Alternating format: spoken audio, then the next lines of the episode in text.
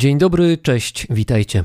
Nazywam się Paweł Drost i jestem dziennikarzem, który ma nowe historie warte opowiedzenia.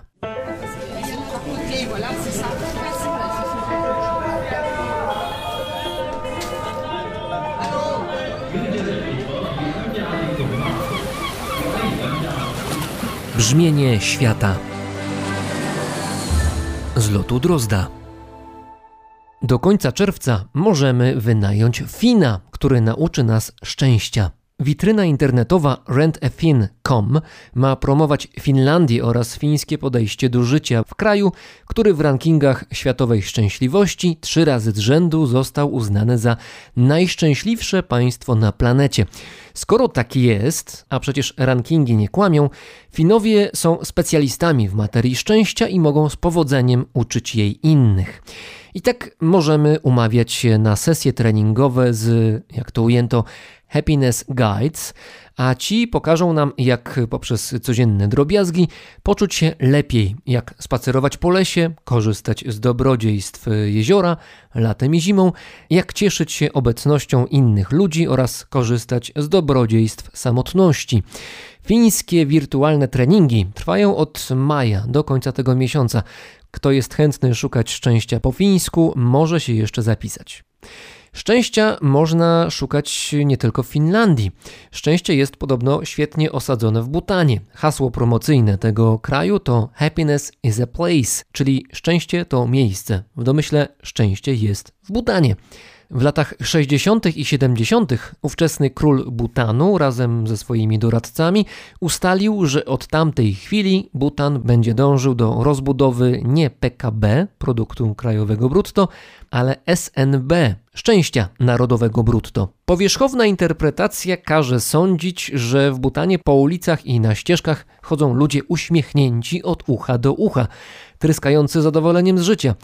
Tacy też są, oczywiście, widziałem ich na własne oczy, ale Butańczycy to ludzie jak my wszyscy i podobnie do nas część z nich wiedzie żywot łatwy i przyjemny, a inna część codziennie z wysiłkiem ściera się z rzeczywistością i to nie zawsze ściera się z sukcesem. Butańskie szczęście narodowe brutto to większa idea, znacznie bardziej skomplikowana niż się wydaje. Uświadomił mi to Dasio Karmaura, butański myśliciel i jednocześnie osoba odpowiedzialna za badanie butańskiego szczęścia.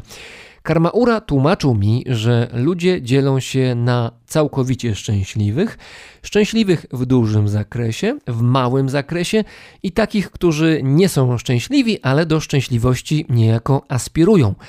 Są też inne kategorie, ale żeby nie było tak łatwo, trzeba pamiętać, że ludzie oceniają swój poziom szczęścia również na bieżąco. No bo jeżeli jesteśmy najedzeni i wypoczęci, szczęście jest wtedy większe niż gdy wstajemy rano po zarwanej nocy i trzeba pójść do pracy.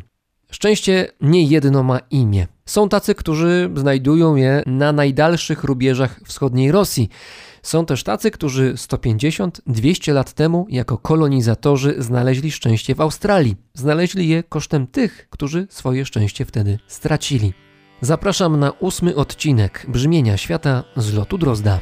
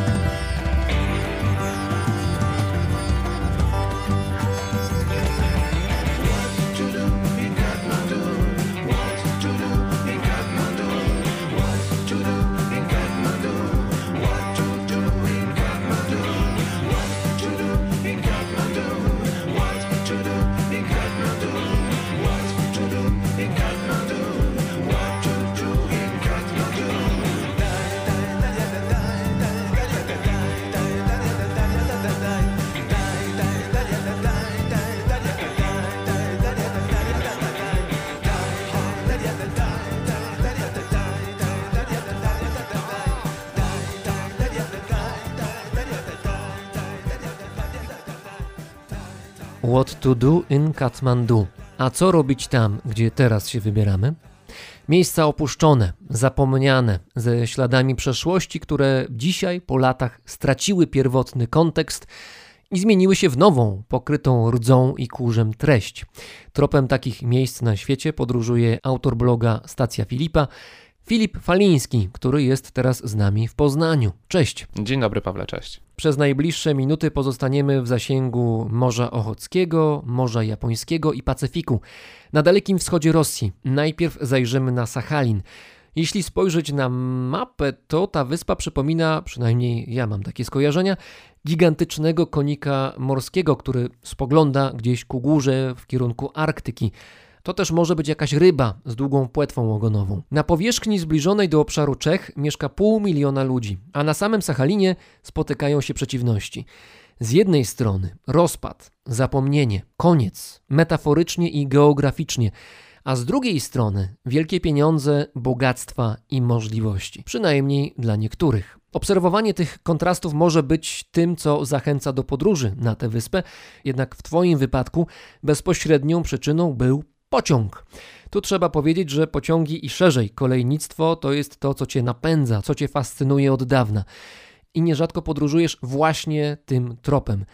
Jaki rodzaj pociągu jest tak wartościowy i pociągający, że w zeszłym roku zdecydowałeś się na odwiedzenie Sachalinu? Ten rodzaj kolei już nie jest wartościowy, a był wartościowy.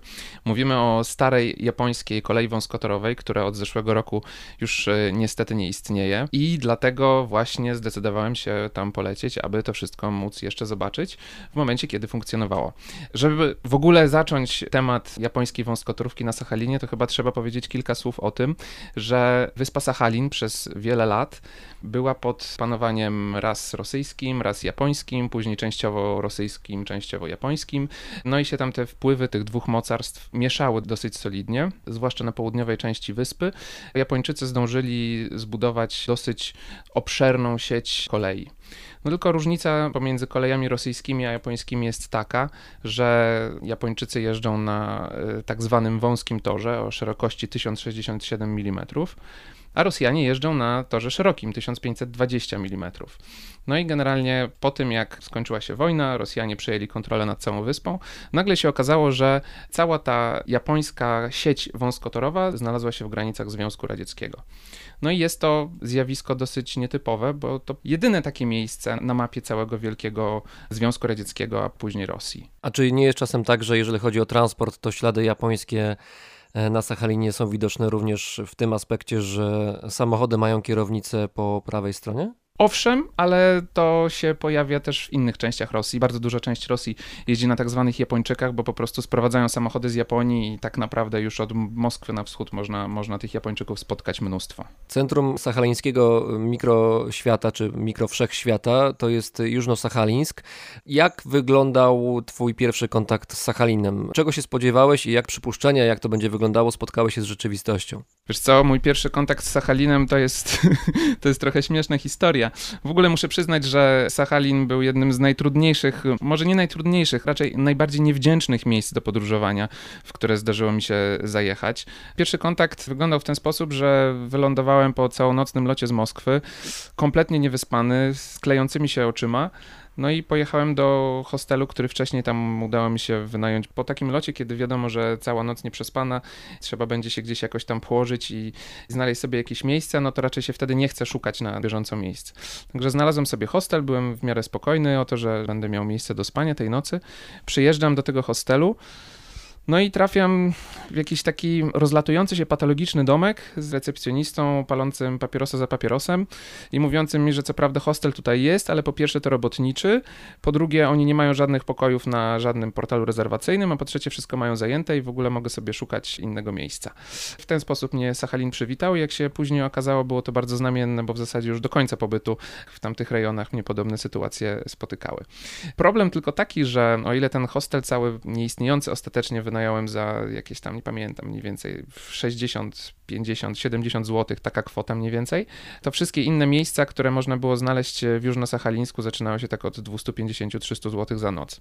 Także różnica wielka, zwłaszcza dla kogoś, kto podróżuje po prostu z plecakiem samemu sobie, a nie wysłany z firmy na przykład. Jak wygląda to miejsce w tej chwili? Bo były takie czasy, był moment, szczególnie w latach 90., kiedy ta część Rosji, wschodnie, dalekie wschodnie rubieże byłego Imperium Radzieckiego, były zostawione zupełnie same sobie, to znaczy Moskwa zapomniała o tych rubieżach, albo nawet jeżeli nie zapomniała, to nie mogła się nimi zająć, bo miała problemy w stolicy i generalnie to był czas, kiedy imperium się po prostu rozpadało, wszystko pękało w szwach, ale w tej chwili ten rejon, ta część świata, ta część Rosji przeżywa rodzaj no może nie w zmartwychwstania, to za mocno powiedziane, ale jednak coś zaczęło się tam zmieniać, ale przede wszystkim chyba dlatego, że to jest miejsce strategiczne, to znaczy tam są złoża, bogate złoża surowców, dla których to Rosja stara się tam, żeby wszystko ładnie działało, żeby móc z tych złóż korzystać. Miejsce się rozrosło głównie z powodu wydobycia ropy i istnieje takie bardzo, bardzo, bardzo wyświechtane wyrażenie, które można przypasować praktycznie do każdego kraju i każdego miejsca na świecie,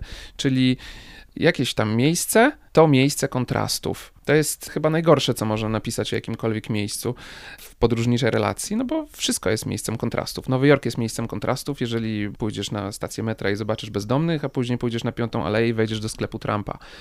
Ale w przypadku Sachalinu, choćbym nie wiem jak chciał omijać to wyrażenie o kontrastach, to trochę nie jestem w stanie, dlatego że na Sachalinie rzeczywiście z jednej strony widać duże pieniądze, które wpompowują w ten region kompanie naftowe, a z drugiej strony widać po prostu skrajną biedę i rosyjską tak zwaną głubinkę, jak to się mówi po rosyjsku, czyli małe wioseczki, gdzie czas się zatrzymał i się niewiele dzieje.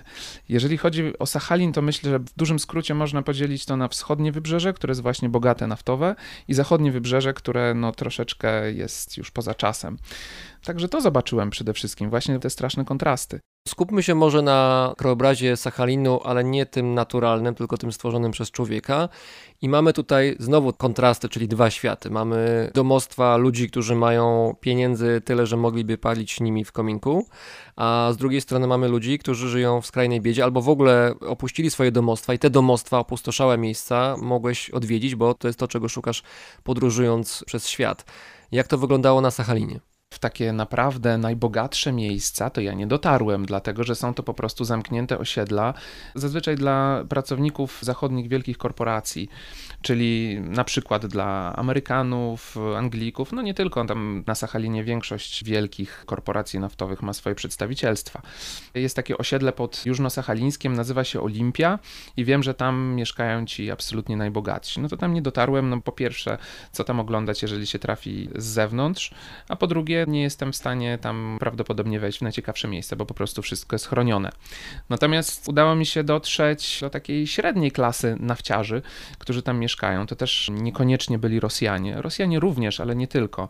Udało mi się trafić na osiedla, do takich strzeżonych bloków, gdzie na 5 minut byłem w stanie zapomnieć zupełnie o tym, że znajduję się w Rosji, co się w sumie w Rosji rzadko spotyka, bo raczej tam wielu zachodnich mieszkańców nie spotykasz. A tutaj wiesz, wchodzisz do bloku, witają cię Malezyjczycy i podają ci jakieś tradycyjne malezyjskie dania. Przy stole siedzą Amerykanie, tu jakiś Szkot mówi ze szkockim akcentem, także w ogóle nie jesteś w stanie go zrozumieć. I widać, że wszyscy mają pieniądze.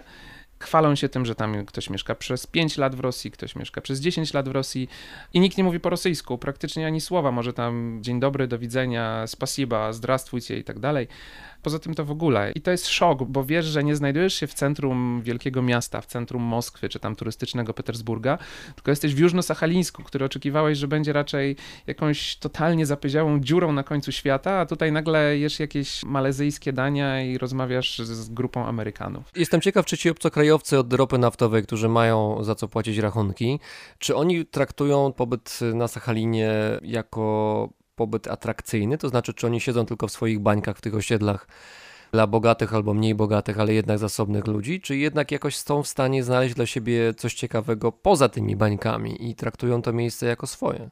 Trudno mi troszkę tak ekstrapolować na wszystkich, poznałem ich kilku. Szczerze mówiąc, miałem wrażenie, że są to ludzie zainteresowani taką po prostu codziennością, to znaczy odbębniają swoją robotę w dużej korporacji, później mają tam jakąś miejscową dziewczynę, jakąś Rosjankę, która mówi po angielsku, jadą sobie na plażę, jak jest ciepło, jak nie jest ciepło, co się na Sachalinie zdarza zazwyczaj, to siedzą w swoim dobrze umeblowanym domu i tyle. Nie wydało mi się, żeby oni byli jakoś szczególnie zainteresowani samą Rosją i mieszkaniem w Rosji jako takim. Oprócz tych wszystkich bloków, o których wspominam, gdzie spotykałem Amerykanów, Malezyjczyków i przedstawicieli naprawdę wielu narodowości, zdarzało mi się też podróżować po wioskach, które wyglądały zupełnie, zupełnie inaczej.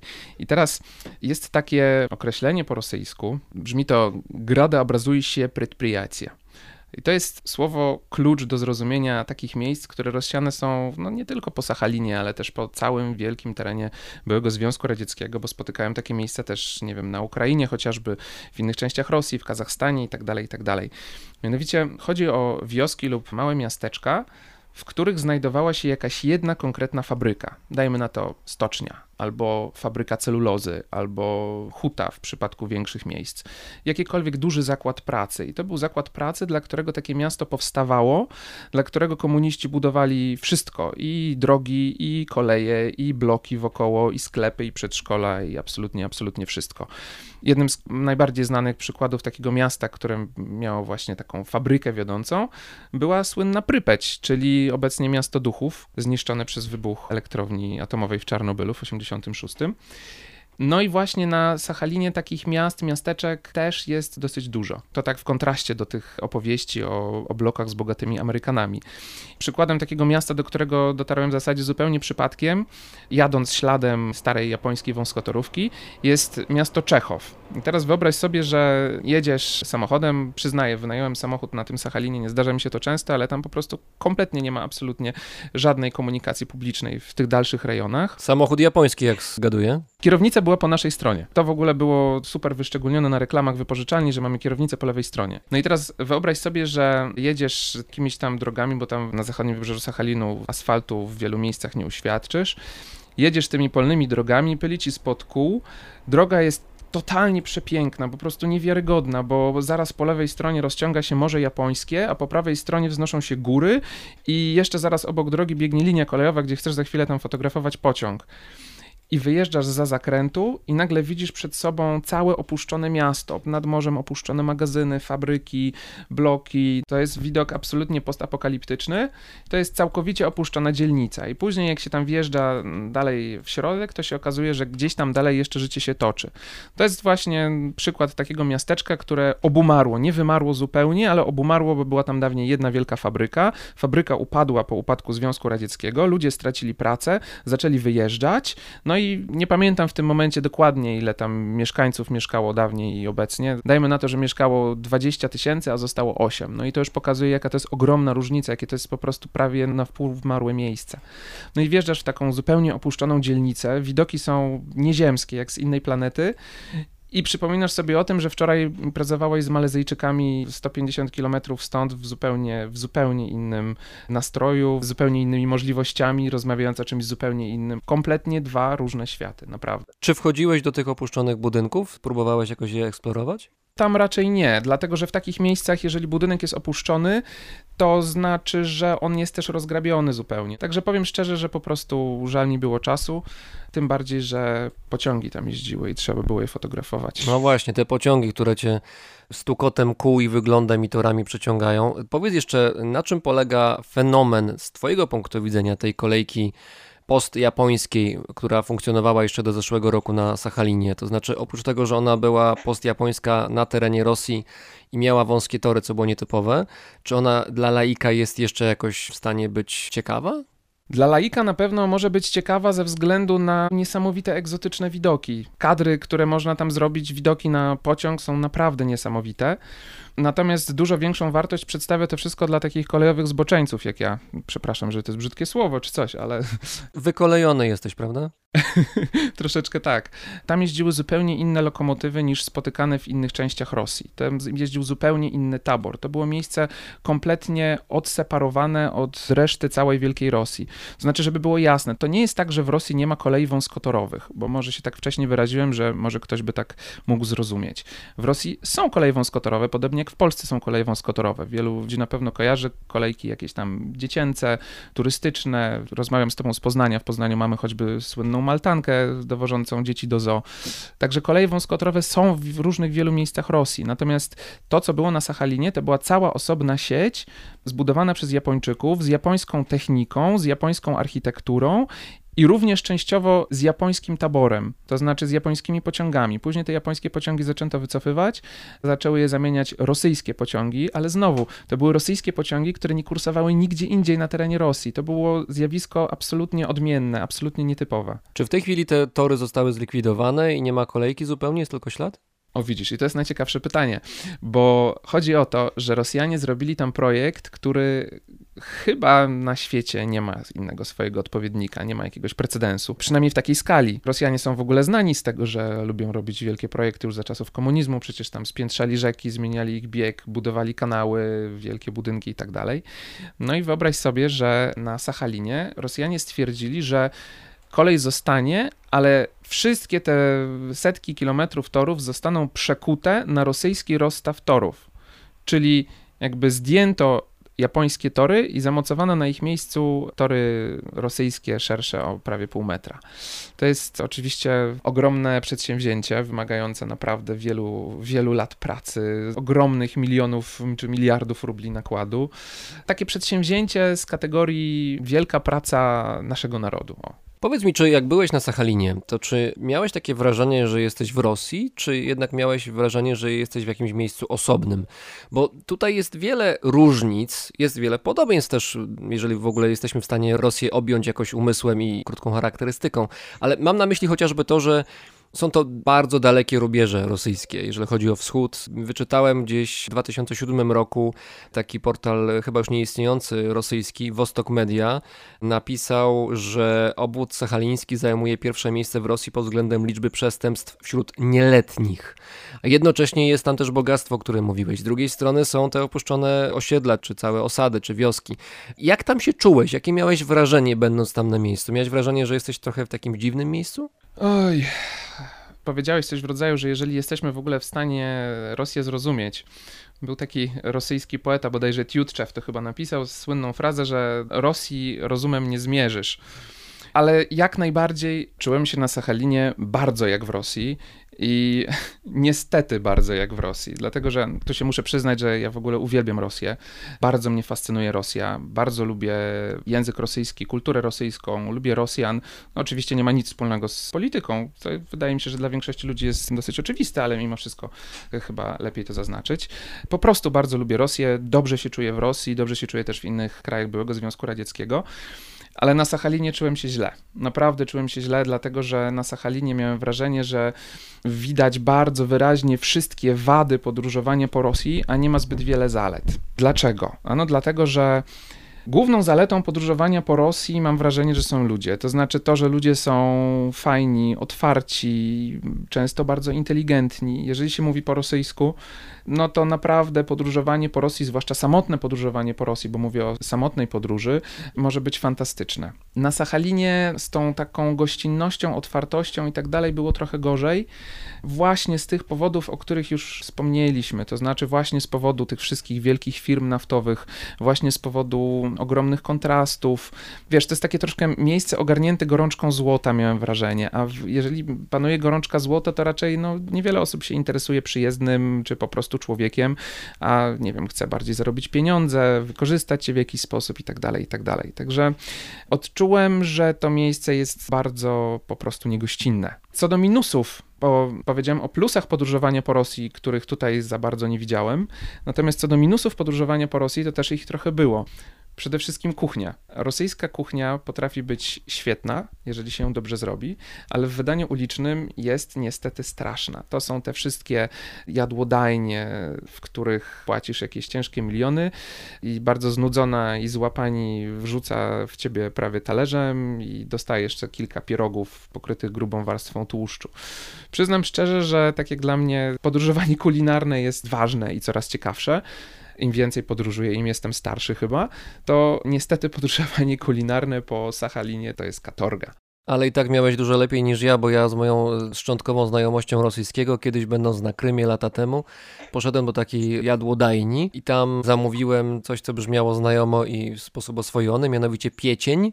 Byłem przekonana, że zostanę pieczeń i niestety nie była to pieczeń, był to wyrób, Wątróbka. wątróbko podobny, tak, którego się mm -hmm. nie dało zjeść. Także zaliczyłem wtedy dużą wpadkę. W ogóle na Krymie pamiętam, że ta kuchnia była jakaś taka Spodziewałem się jednak czegoś z kręgów ciepłych. Krewetka gdzieś by się pewnie chętnie pojawiła, albo coś takiego, a tam była taka kuchnia stereotypowo rosyjska, tłusta, średniojadalna i taka no mało atrakcyjna, ale może akurat tak trafiłem na Krymie. To jest niestety właśnie zmora podróżowania po różnych zaułkach byłego Związku Radzieckiego. Te miejsca mają bardzo, bardzo dużo plusów, ale kuchnia zdecydowanie do nich nie należy. Będąc na Sachalinie, zajrzałeś też za miedzę, właściwie za wodę. Tuż obok znajdują się Wyspy Kurylskie. Generalnie to jest archipelag ponad 50 wysp pochodzenia wulkanicznego. Zresztą do dzisiaj co najmniej 20 wulkanów jest tam aktywnych. Archipelag jest to olbrzymi, bo on jest rozciągnięty między Kamczatką a Hokkaido, czyli północną częścią Japonii. Jest rozciągnięty na przestrzeni 1200 km, więc naprawdę olbrzymi archipelag. I tak z jednej strony, jak się patrzy na zdjęcia, które w internecie są dostępne, a nie ma ich wiele, bo tam ludzie z aparatami nie docierają zbyt często. Z jednej strony widać bardzo widowiskowe, skalne urwiska, rumowiska, znakomicie wyglądające na zdjęciach właśnie zatoki. Taka sceneria właściwie jak jeden do jednego do filmu fantasy. Gdzieś tam no, remake'i Władcy Pierścieni spokojnie mogłyby tam być kręcone. Zapierające dek w piersiach scenerie, które przywodzą na myśl coś pomiędzy Islandią, Nową Zelandią a Szkocją, przynajmniej dla mnie. A z drugiej strony są to też miejsca, gdzie zalega porzucony zdezelowany sprzęt wojskowy, różnego rodzaju maszyny, rozpadające się jakieś postradzieckie osiedla mieszkaniowe, trochę podobnie jak to na Sachalinie opisałeś. Byłeś troszkę na Wyspach Kurylskich. Czy to był taki Sachalin bis? Nie, to jest zupełnie, zupełnie odrębne miejsce, ale najpierw chyba muszę powiedzieć, bo powiedziałeś o tym, że to jest rzeczywiście bardzo długi archipelag składający się z bardzo wielu wysp, ale od razu powiedzmy sobie, że na zdecydowaną większość z nich dostać się jest bardzo, bardzo, bardzo trudno. To nie jest niemożliwe, ale żeby się dostać do tych miejsc, o których wspominasz, tam gdzie są rzeczywiście krajobrazy zapierające tych w piersiach, jak z Gwiezdnych Wojen czy Władcy Pierścieni, to prawdopodobnie musisz mieć własny jacht i dopłynąć po wielu dniach rejsu na jakąś taką oddaloną od świata wysepkę, no bo w zasadzie nie ma innej opcji. Albo masz helikopter do dyspozycji. Tak, albo masz helikopter. Tak naprawdę dostępne są w tym momencie trzy, cztery wyspy. Trzy na południu, jedna wyspa na skrajnej północy, tam już pod Kamczatką. No ale ta dostępność też jest bardzo reglamentowana z tego względu, że to jest rosyjska strefa przygraniczna. Rosjanie bardzo strogo podchodzą cały czas do swojej strefy przygranicznej.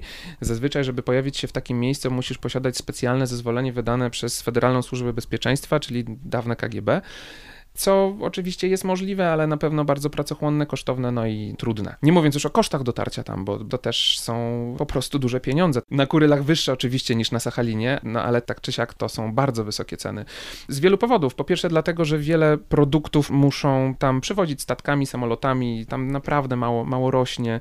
Rolnictwo jest bardzo nierozwinięte, zresztą zawsze tak było za czasów Związku Radzieckiego również. Popyt się zwiększa ze względu na to, że przyjeżdżają pracownicy firm naftowych, albo robotnicy budowlani na przykład. No, a produkcji jest bardzo mało. Na swoim blogu wrzucałem na przykład zdjęcie trzech niewielkich nektarynek w sklepie, które kosztowały 35 zł. Tak jest, trzy niewielkie nektarynki 35 zł. Ogólnie przeciętne zakupy typu tam mleko, chleb, płatki do tego mleka, no to jest kwota rzędu 20 zł. W jakichś tam restauracjach i innych to nawet nie mówię. Na Wyspach Kurylskich jeszcze trochę drożej. A mówimy tylko o codziennym życiu, a nie mówimy w tym momencie o cenach dotarcia tam, o samolotach, promach, statkach, czymkolwiek, o hotelach. W ramach archipelagu Wysp Kurylskich istnieje część, którą Rosja nazywa Kurylami Południowymi, a Japonia terytoriami północnymi. To są te cztery wyspy, o które kłócą się oba kraje, i Rosja i Japonia. Do dzisiaj przez właśnie te wyspy, przez te cztery wyspy, y, oba kraje nie mają podpisanego formalnie traktatu pokojowego, więc formalnie są w stanie wojny wciąż. I historia jest taka, że pod sam koniec wojny Związek Radziecki zajął te cztery wyspy. Potem Japończycy teoretycznie się zrzekli praw do tych wysp, potem twierdzili, że się jednak nie zrzekli. Trwa taka dyskusja pomiędzy Moskwą i Tokio cały czas. Moskwa czasami raz na jakiś czas oferuje, że dwie wyspy może zwrócić, ale nie cztery. Japonia mówi nie, chcemy cztery i tak sobie dyskutują. W zeszłym roku było troszkę takich sygnałów, które wskazywałyby na to, że prezydent Putin i premier Abe mogą się dogadać i że dojdzie do jakiejś umowy, ale to wszystko jest palcem na wodzie pisane. Nie wiadomo, jak to będzie wyglądało. W każdym razie w tej chwili cztery wyspy, które Rosja nazywa Kurelami Południowymi, te bardzo blisko Hokkaido, należą wciąż do Rosji, a nie należą do Japonii, a Japonia nazywa to terytoriami północnymi i uważa wciąż, że to jest japońskie terytorium. Na jakiej wyspie ty byłeś konkretnie? Ja popłynąłem na wyspę Kunaszyr. Miałem jeszcze krótką przerwę na wyspie Szykotan, ale na Szykotanie nie mogłem nawet zejść z promu. Kunaszyr to jest wyspa leżąca najbliżej Japonii. Zresztą z, z Kunaszyru widać bardzo wyraźnie rząd wulkanów japońskich na takim cyplu, na Hokkaido. Także to jest wyspa położona no, zaraz obok Japonii, myślę jakieś tam 20 km od północnych wybrzeży Hokkaido. Tutaj też warto dodać, że jest dosyć nowe rozporządzenie, które zezwala przyjezdnym na odwiedzanie tam tylko kilku punktów na Kurylach. Tam jest miasto Kurylsk, miasto Jużno-Kurylsk, tam lotniska, kilka dróg, dokładnie określone są to miejsca w rozporządzeniach. I to są miejsca, do których można dotrzeć bez przepustki dopiero od dwóch lat, trzech lat mniej więcej. A żeby wyjść poza te miasta, powspinać się gdzieś dalej, czy przejechać na drugą stronę wyspy, to już tę przepustkę trzeba uzyskać. Także nawet jeżeli się dostaniesz na same wyspy, to jeszcze niewiele znaczy, bo prawdopodobnie nie skorzystasz z nich za bardzo. Jeszcze do niedawna, jeszcze w czasach Związku Radzieckiego i krótko po jego rozpadzie, to były wyspy właściwie zmilitaryzowane, to znaczy głównymi, jak nie jedynymi mieszkańcami tych wysp byli wojskowi radzieccy, a później rosyjscy razem z rodzinami. A w tej chwili, czy to się jakoś zmieniło? Myślę, że trochę się zmienia, natomiast oczywiście wojsko odgrywa tam cały czas bardzo dużą rolę, no ale poza tymi terenami, do których możesz dotrzeć. Tam, gdzie dotarłem, czyli na przykład w mieście Jużnokurylsku, widać takie rzędy opuszczonych starych bunkrów, co tylko przypomina o tej wojskowej historii tych miejsc. Wiesz, tak naprawdę to są miejsca, jak popatrzysz na mapę, to jest pierwsze terytorium Rosji, patrząc od strony Ameryki, czyli teoretycznie oczekując za czasów Związku Radzieckiego jakiejś morskiej inwazji, to to są pierwsze miejsca, które miały bronić cały później Wielki Związek Radziecki. Albo atakować w kierunku Kalifornii na przykład. Czasy się zmieniły, ale nadal jest to teren przygraniczny i sądzę, że nadal silnie zmilitaryzowany. Rozmawiajmy o krajobrazach Kuryli, a konkretnie tej jednej wyspy, na której ty byłeś. No, krajobrazy zupełnie, no ja jestem pod wrażeniem, naprawdę. To znaczy, to jest takie troszkę klimat post-apo, w takim znaczeniu jakiegoś filmu katastroficznego po jakimś gigantycznym trzęsieniu ziemi, który zniszczył całą ziemię, wielki potop zalał i teraz dopiero się wszystko wyłania z, z mórz i oceanów. Tak to trochę wygląda. Zresztą no, wulkany robią robotę, prawda? To znaczy wulkany są tam wszechobecne, to jest normalny zupełnie widok.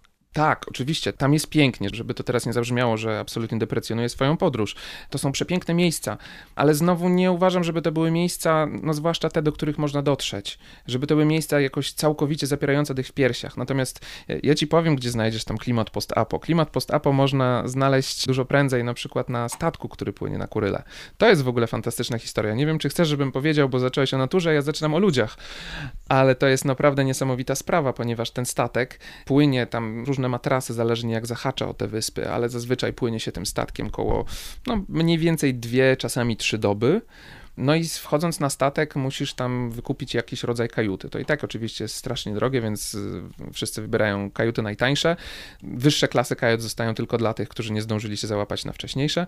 No i w ramach tej najtańszej kajuty trafiasz do pomieszczenia czteroosobowego i tak naprawdę tutaj powstaje główne pytanie, na kogo trafisz, bo z tymi osobami będziesz musiał spędzić następne dwie, trzy doby. To dla podróżujących po Rosji jest powiedzmy dosyć znajome, bo mniej więcej to samo jest w pociągach. Teraz wyobraź sobie, że wchodzisz na taki prom, schodzisz do tej kajuty po tych wszystkich pokładach. Oczywiście wykupiłeś najtańszą, więc masz na jakimś tam dolnym pokładzie i wchodzisz do kajuty zajętej przez dwóch facetów, a każdy z nich jest tak wytatuowany, że godzinami można oglądać poszczególne obrazki i napisać na ich temat pracę doktorską z historii sztuki. I pierwsza myśl, która ci przychodzi do głowy, to jest, czy już napisać testament, czy dopiero za chwilę? Dokładnie. No i wiesz, i tam rozpakowujesz się, wkładasz plecak pod łóżko, zajmujesz swoją pryczę.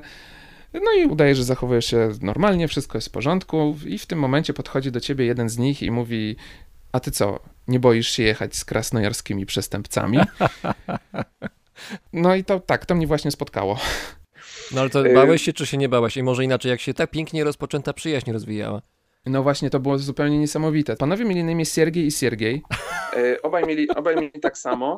To łatwo zapamiętać. Co więcej, obaj mieli tak samo na odciestwo. Odciestwo to jest e, imię od ojcowskie w Rosji. Wszyscy mają imię od ojcowskie, czyli tak jak twój ojciec się nazywał, tak ty masz właśnie to odciestwo. Czyli obaj panowie nazywali się Siergiej Iwanowicz, pochodzili spod Krasnojarska, no i obaj trochę posiedzieli. Ten bardziej wytatuowany, jak się później przyznał, przesiedział 27 lat, łącznie 9 razy siedział za różne rzeczy. Jak się wyraził, nie było tylko krwi i gwałtu, ale tak to kradzieże, narkotyki, tam rozboje, wszystkie, wszystkie różne takie historie. No, ale w końcu stwierdził, że trzeba zmienić swoje życie. Znalazł pracę i z tej pracy wysłali go właśnie na Wyspy Kurylskie, gdzie ma pracować jako robotnik. Także to jest dopiero klimat postapokaliptyczny. Powiem ci, że tak jak na początku się no, bałem, co by tu mówić, no chyba każdy by się chociaż troszeczkę obawiał, zwłaszcza nie wiem, jak się zaśnie, czy, czy się nie straci telefonu, portfela, aparatu i tak dalej. No tak skończyliśmy później pijąc piwko i rozmawiając o rosyjskich więzieniach i o tym, jak Sergiej Iwanowicz potrafił siedzieć w takich celach, gdzie było tylu ludzi, że musieli na przykład spać na trzy zmiany. Takie historie i słyszysz to, wiesz, na jakimś statku na końcu świata, płynąc przez, przez dalekie morze w kierunku wysp na samym skraju Rosji. No to są niewiarygodne wrażenia, naprawdę. Natomiast ciekawe jest to, że właśnie to miejsce, te kuryle, najdalsze wyspy, stały się dla nich takim troszeczkę miejscem rozpoczęcia nowego życia. Te Wyspy Kurylskie, które nam się kojarzą z czymś zupełnie nieosiągalnym, dla większości Rosjan są właśnie czymś takim zupełnie nieosiągalnym, również ze względów finansowych. Tam się po prostu bardzo dobrze zarabia, dlatego że robotnicy sezonowi, którzy tam przyjeżdżają, dostają tam robotę przy, nie wiem, budowie stoczni albo portu, albo drogi, albo czegoś, spędzają tam rok i zarabiają naprawdę, naprawdę dobre pieniądze, które później przywożą swoim rodzinom, jeżeli je mają no takie trochę saksy, taki trochę w cudzysłowie brzydko powiem zmywak. No jest jeszcze kluczowe słowo, o którym trzeba wspomnieć w kontekście tego statku. Tym słowem jest kaczka. Masz jakiś pomysł, czym może być kaczka? Mm, kaczka jest mm, ewidentnie słowem kojarzącym mi się ornitologicznie, ale sądząc z podtekstu, nie jest to dobra odpowiedź. Nie jest to dobra odpowiedź. Ja to źle wymawiam, tak naprawdę po rosyjsku mówi się kaćka. To nie jest takie wyraźne polskie czy. To jest słowo, to jest rzeczownik pochodzący od czasownika kaciać, czyli bujać, kołysać. Czyli tak mówią tam na statku miejscowi, że jeżeli jest prawdziwa kaczka, taka potężna kaczka, to wszyscy leżą i żygają. Troszeczkę tego doświadczyłem, muszę przyznać.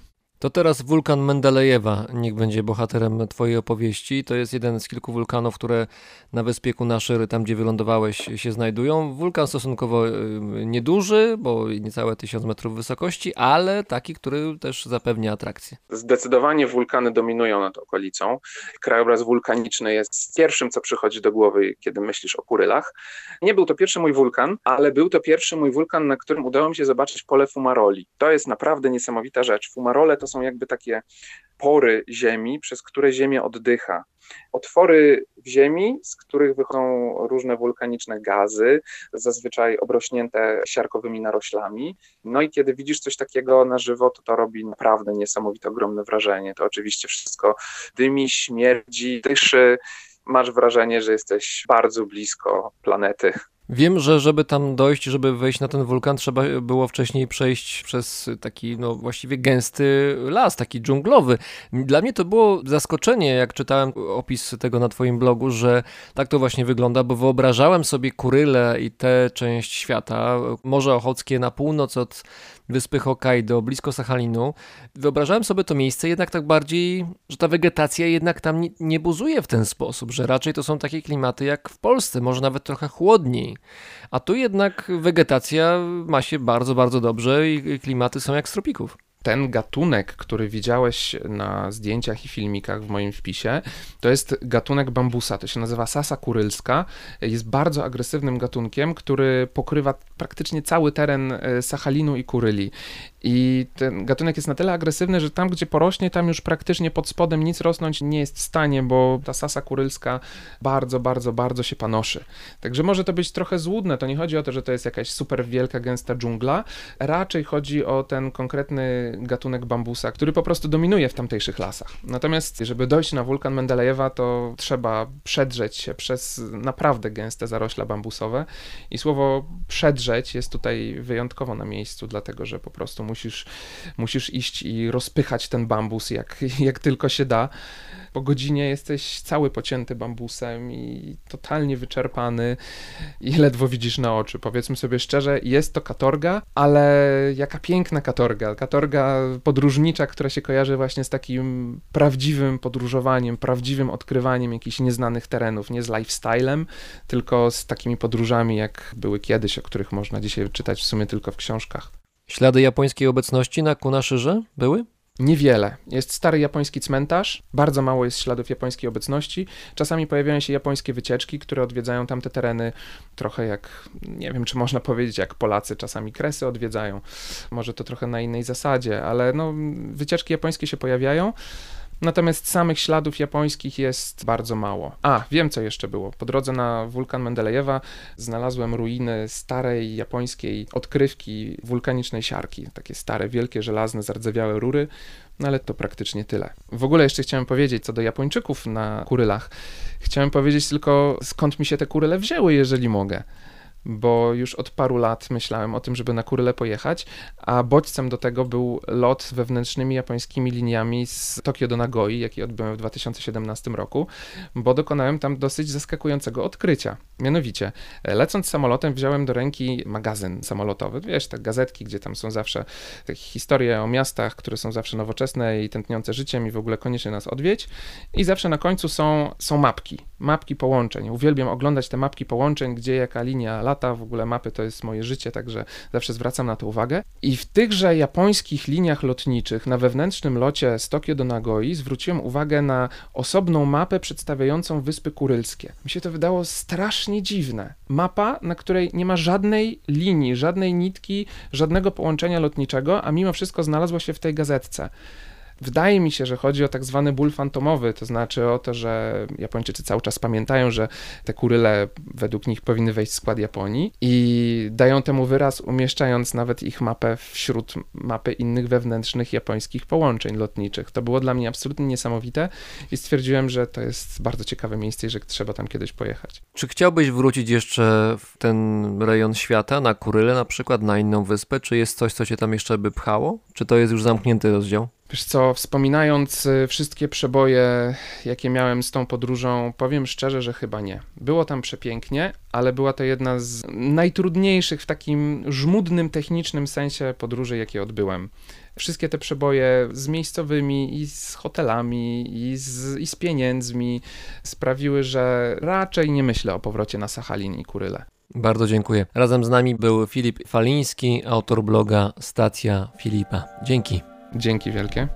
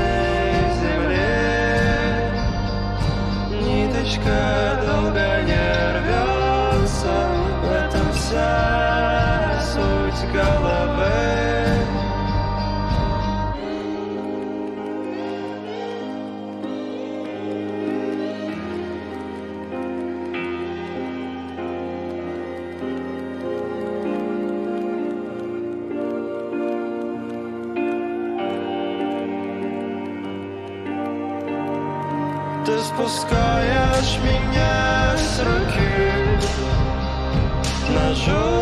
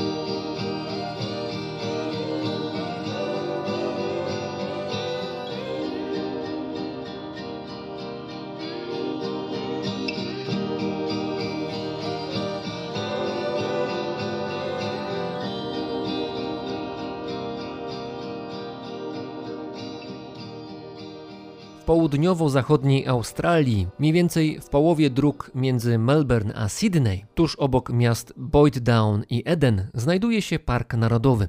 Ciągnie się wzdłuż morza na przestrzeni blisko 50 km. Okolica znana jest jako miejsce świetne do obserwowania migrujących wielorybów, m.in. humbaków. Ludzie poza tym korzystają też z czystej wody oraz podziwiają naturalną skalną scenerię parku.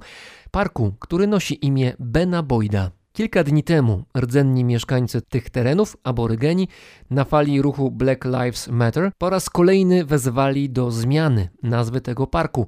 Chcą usunięcia nazwiska wspomnianego Bena Boyda.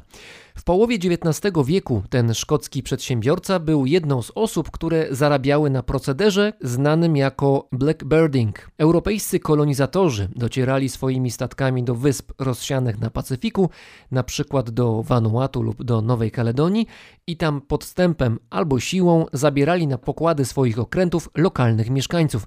Potem przewozili ich w inne miejsce, bardzo często do Australii, gdzie ci ludzie pracowali w polu lub wykonywali inne prace. Na przykład zajmowali się polowaniami na wieloryby. Za swoją pracę dostawali grosze. To miało być alibi dla Europejczyków, którzy chcieli w ten sposób uniknąć oskarżeń o praktykowanie niewolnictwa, a de facto było to niewolnictwo. Ben Boyd jako przedsiębiorca był w Australii i w rejonie Pacyfiku bardzo aktywny. Pracowali dla niego nie tylko mieszkańcy wysp Oceanu Spokojnego, ale także Maorysi oraz australijscy aborygeni. To właśnie ci ostatni chcą, by jego imię zostało wymazane z nazwy Parku Narodowego. Nawet jeśli tak się stanie, a jest na to szansa, zostanie pewnie nazwa miasta Boyd Town. Takich śladów kolonizatorskiej europejskiej obecności z przeszłości jest w Australii wiele i coraz częściej australijscy aborygeni mówią dość. Razem ze mną w Bielsku Białej jest teraz dziennikarz, znawca i wielbiciel Australii, autor kilku książek poświęconych temu kontynentowi, Marek Tomalik. Cześć, witaj. Cześć, witam, witam wszystkich bardzo mocno, bardzo serdecznie. Czy w kwestii zmiany podejścia do postkolonialnej przeszłości Australii coś na tym kontynencie się w ostatnim czasie zmienia? Czy zmieniają się relacje między australijskimi aborygenami a białymi Australijczykami? Czy da się zauważyć, może nie przełom, ale jednak jakieś przyspieszenie? No tutaj nawiązuje chociażby do Uluru, świętej góry aborygenów, na którą turyści nie mogą już wchodzić od kilku już dobrych miesięcy. To jest proces, który dzieje się od wielu, wielu lat. Nie możemy na to popatrzeć i nie powinniśmy na to patrzeć, że to jest kwestia tego, co wywołało taką kulę śniegową zaczynającą się gdzieś w Stanach Zjednoczonych Ameryki i to poszło po całym świecie, dotarło także do Australii. Nie. To jest błędne patrzenie. Z pewnością ma to też wpływ na powiedzmy intensyfikację różnych procesów w tym temacie w ostatnich tygodniach. Natomiast problem jest znacznie głębszy, znacznie szerszy i znacznie dłużej się toczy. Przypomnę, może takim interesującym nas bezpośrednio tematem jest Góra Kościuszki, nazwana przez Pawła Edmunda Strzeleckiego. Miałem przyjemność prowadzenia wyprawy śladami Strzeleckiego w 2004 roku, więc temat mam mocno, że tak powiem, zgłębiony. I to Strzelecki właśnie nazwał na cześć polskiego i amerykańskiego generała najwyższą górę w Australii Mont Kościuszko. Australijczycy to inaczej wymawiają Koziosko, ale nie o to chodzi. Chodzi bardziej o to, że paręnaście lat temu wybuchł problem zmiany tej nazwy, zmiany nazwy Góry Kościuszki na bardziej, wtedy się mówiło, lokalną. To jeszcze nie była zmiana, natomiast w polskich mediach zaogniło się bardzo mocno. My jesteśmy w tym temacie bardzo mocno uczuleni. Posypały się oskarżenia, że Australijczycy chcą nam górę zabrać i tak dalej, i tak dalej. To była propozycja zmiany, która została złożona do władz Parku Narodowego Kościuszki, który w ramach tego Parku Narodowego jest tam ta właśnie też góra, góra Kościuszki. I tą zmianę złożył burmistrz takiego małego miasteczka, w zasadzie wioski, bo ja w czasie wyprawy potrudziłem się i odnalazłem tego człowieka. I odbyłem z nim rozmowę, i okazało się, że to jest taki prosty człowiek, który wyszło na to, że chce zbić swój własny taki kapitał. Miasteczko się ładnie nazywa Tambaramba i postanowił, że tak powiem, zatańczyć koło sprawy, zwrócić na siebie uwagę nie tylko w Australii, ale jak się okazało, w dalekiej Polsce też. Ale wywołał dosyć duży płomień tą swoją nadgorliwością, czy też swoimi takimi właśnie działaniami. Nie doszło do tej zmiany. Zaangażowała się wtedy Polonia. Ta sprawa została mocą uchwały mocno oddalona od odsunięta na bok, dlatego że Park Narodowy Kościuszki włączono do dziedzictwa narodowego. Temu dziedzictwu, jak się okazało, podlega także nazwa. Ale to nie było takie zabezpieczenie stuprocentowe, dlatego że sprawa odżyła i ona teraz, właśnie teraz, e, ma jak gdyby swoje drugie echo. I mówi się o tym, że nazwa Kościuszko pozostanie bez wątpienia chroniona jak gdyby tą ustawą, ale będzie dodana prawdopodobnie nazwa aborygeńska, czyli będzie Mont Kościuszko Munią. To jest taka nazwa, która tam się najczęściej chyba powtarza. Ona dotyczy spraw stricte aborygeńskich. Wokół tej nazwy też są zamieszania, dlatego że tam są dwa plemiona i w jednym plemieniu, żeby było śmieszniej, ta nazwa Munią brzmi e, wulgarnie, a dla drugich jest to zupełnie normalne, więc oni między sobą się troszeczkę tutaj szarpią. Natomiast jeżeli odskoczymy sobie jeszcze wcześniej, to zmiany nazw anglosaskich na aborygeńskie, no to musimy cofnąć się jeszcze 30 lat. 30 lat, kiedy to się wszystko w Australii zaczęło. To, czyli zmiana nazw anglosaskich, czy też postkolonialnych, bo były też nazwy i hiszpańskie, na nazwy y, lokalne. I takim najbardziej, to co powiedziałeś wcześniej, najbardziej jasnym, naj, najmocniejszym przykładem jest ta góra święta aborygenów w środku kontynentu, która jest w ogóle symbolem Australii.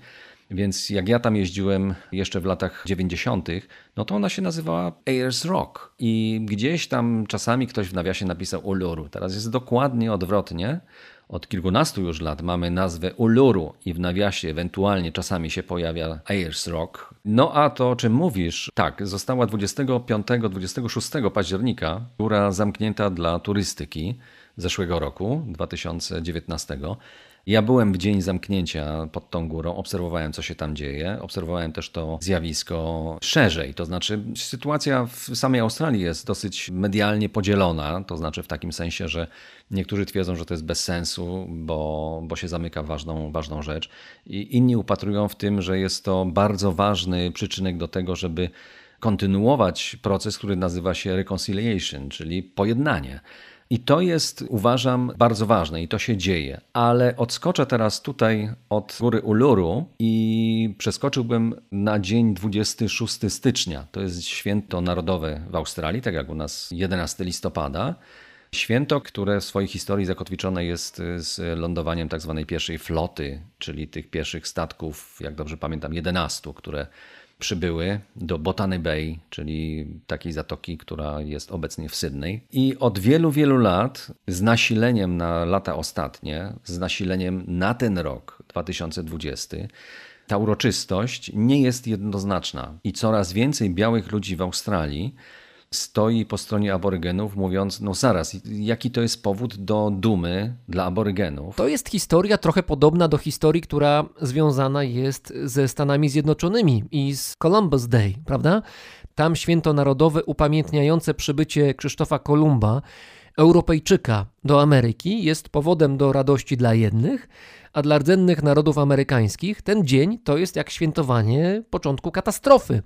Od tego momentu biali ludzie kontynuowali swój marsz przez obie Ameryki i w efekcie doprowadzili do poważnych szkód albo nawet zniszczenia rdzennych kultur i społeczności na miejscu.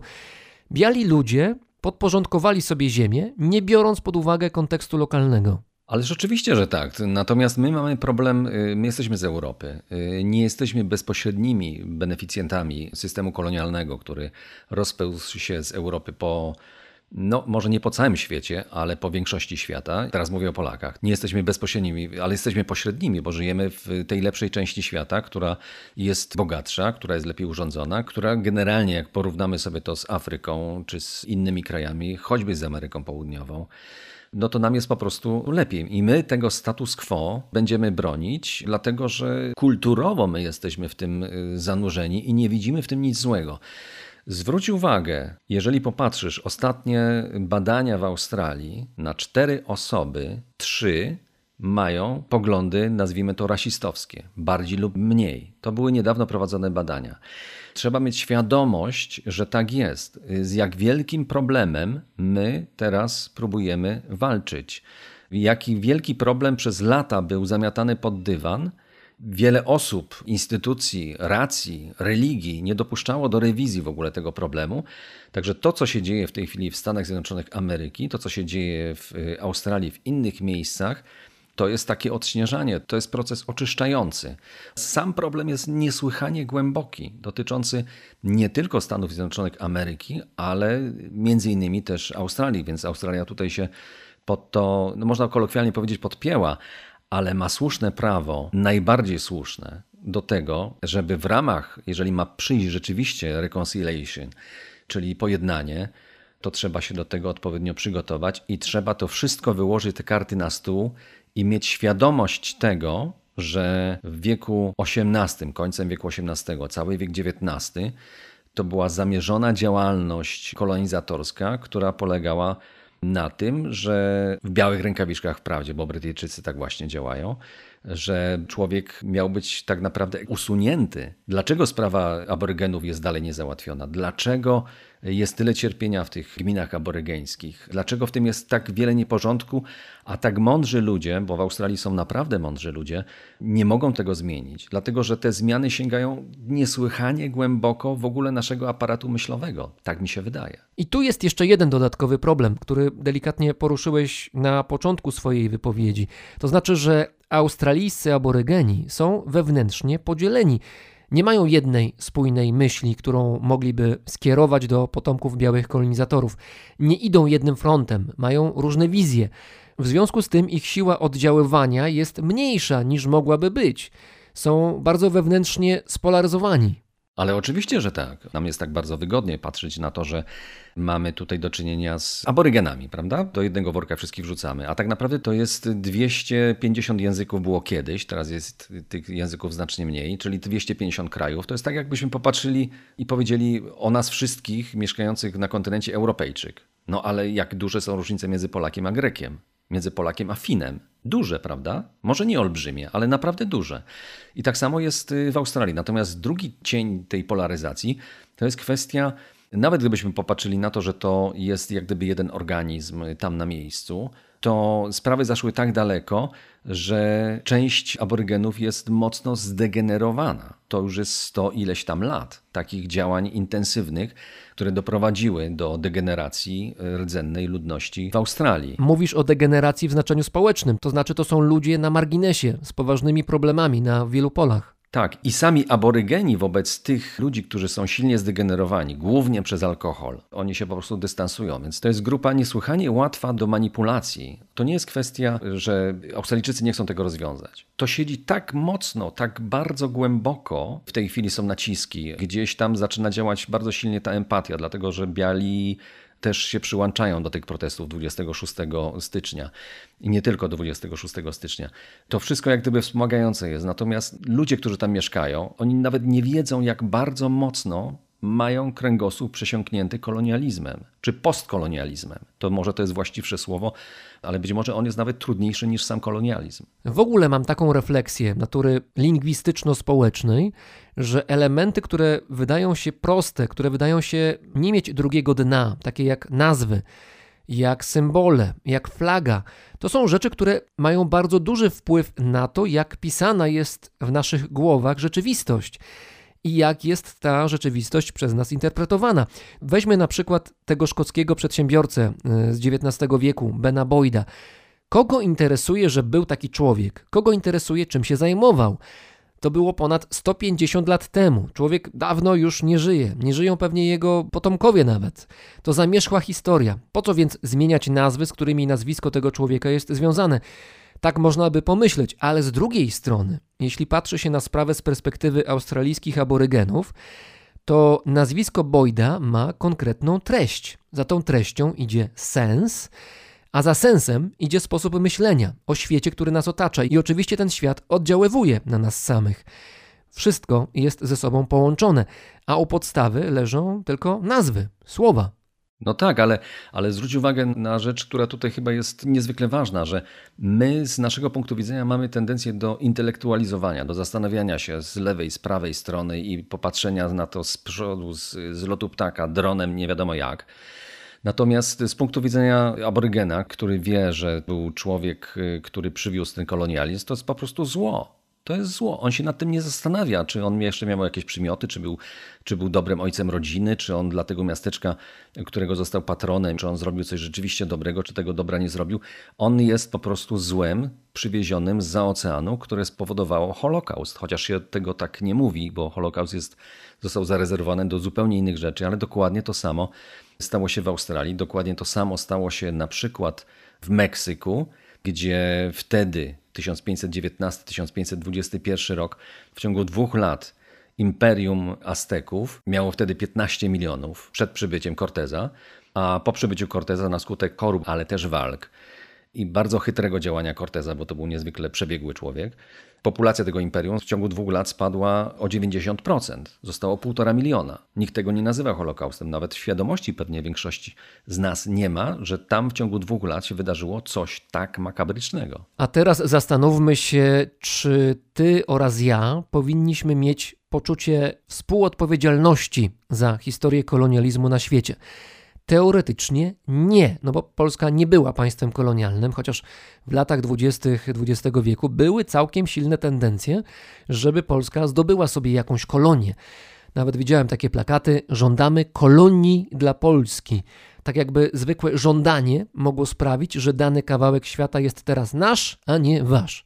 Czy masz poczucie, że ciąży na tobie, tak samo jak i na mnie, odium pewnej odpowiedzialności za to, co było, przez sam fakt, że jesteśmy biali, że pochodzimy z Europy, z której wypływały przecież statki, które potem podbijały ziemię na swojej drodze.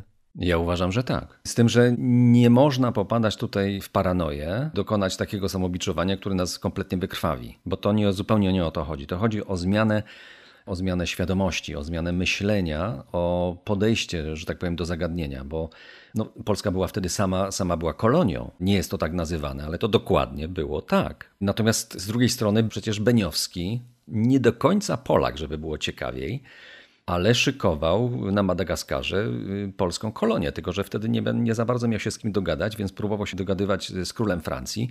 Nic z tego nie wyszło, ale gdyby Polacy byli w tym froncie uderzeniowym, mieli taką siłę i potęgę w XVI wieku, XVII, jaką mieli Hiszpanie, Portugalczycy czy Anglicy, z pewnością by też kolonizowali, czy Holendrzy. Dlaczego mieliby tego nie robić? To było wtedy oczywiste, że że można sobie napaść na kogoś, bo jest się silniejszym, jest się, uważa się za mądrzejszego, ma się oparcie, że tak powiem, silnej religii, która będzie sprzyjała, że tak powiem, rozprzestrzenianiu się tej religii, to bardzo proste jest. Dlaczego tego nie robić? My, jako Polacy, uważam, że też częściowo powinniśmy mieć świadomość tego, że to było, że to było złe działanie. I to myślę, że na dzisiaj by wystarczyło, żeby zaistniała w nas ta świadomość, że to było zło, po prostu zło. Dam przykład Indii.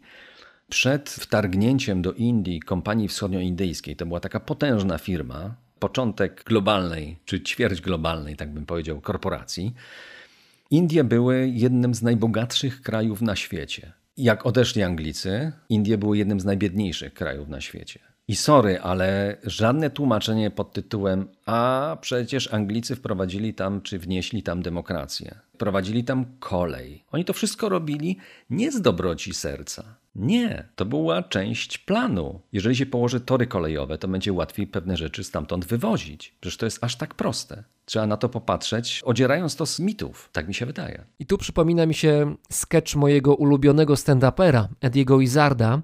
To Brytyjczyk z francuskimi korzeniami. Lubi nawiązywać w sketchach do historii i wchodzi w nią czasem bardzo głęboko.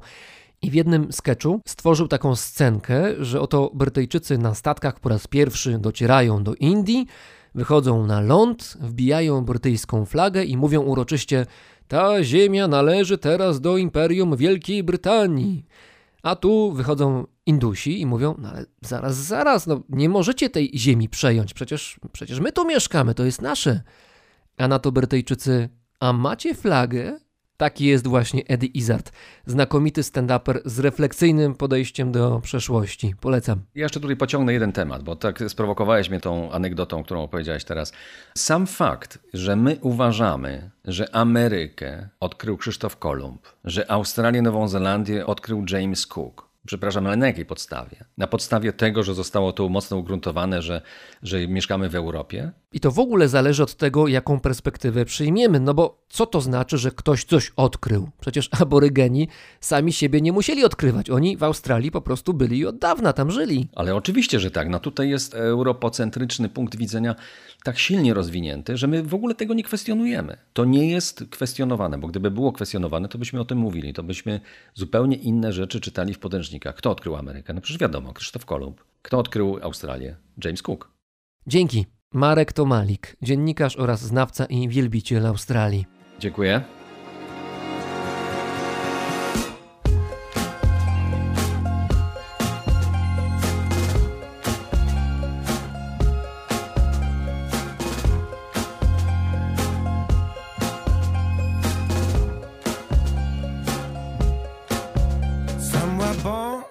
Down here in their cages, they've never seen the trees.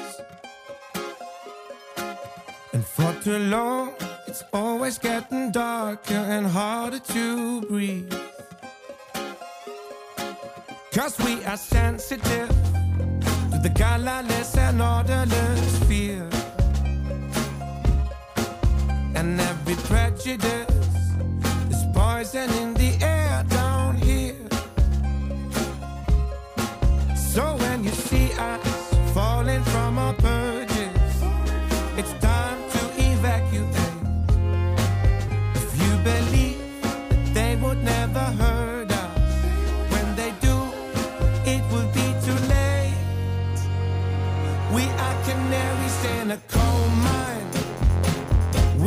afraid of the dark side. When they start talking about the old times, we are the first to miss the daylight. We are down here in the cold night, and we are dreaming of moonshine. They say everything will be fine, but the first of us are already. Where do we go when they come for us? Who can we still trust? Or fight or flight is a choice to make for each and every one of us. Cause for too long, they keep on digging deeper into yesterday. The day will come when we will slowly disappear without a trace.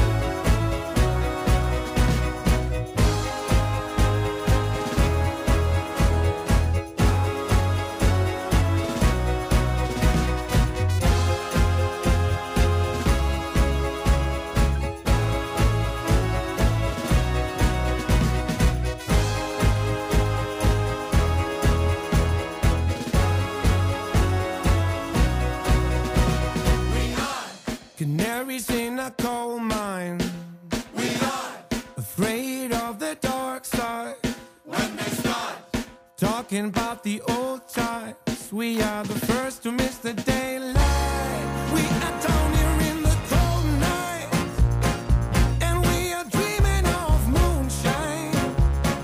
They say everything will be fine, but the first of us are already dying. Słuchaliście brzmienia świata z lotu Drozda, audycji czy podcastu Światoczułego. Nowe odcinki w każdą sobotę. Każdy z nich jest tworzony dzięki Wam, dzięki Waszemu wsparciu na patronite.pl. Wszystkim patronom serdecznie dziękuję za pomoc i polecam się na przyszłość. Na koniec tego odcinka piosenka w wykonaniu grupy z Quebecu. Piosenka, która może zabrzmieć znajomo. Paweł Drost, czyli ja, mówi Wam dobrego dnia. I'm so happy because today I found my friends. They're in my head. I'm so ugly, but that's okay, cause so are you. We broke our mirrors. Sunday morning is every day for all I care. I'm not scared. Light my candles in a daze, cause I found God. Yeah, yeah. Yeah,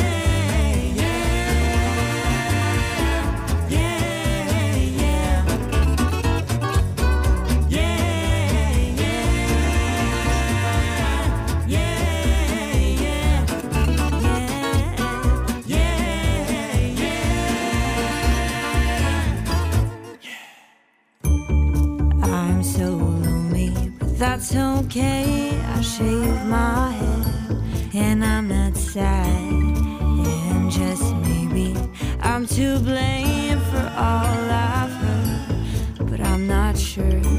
I'm so excited, I can't wait to meet you there, but I don't care. I'm so horny, but that's okay. My will is good. Yeah,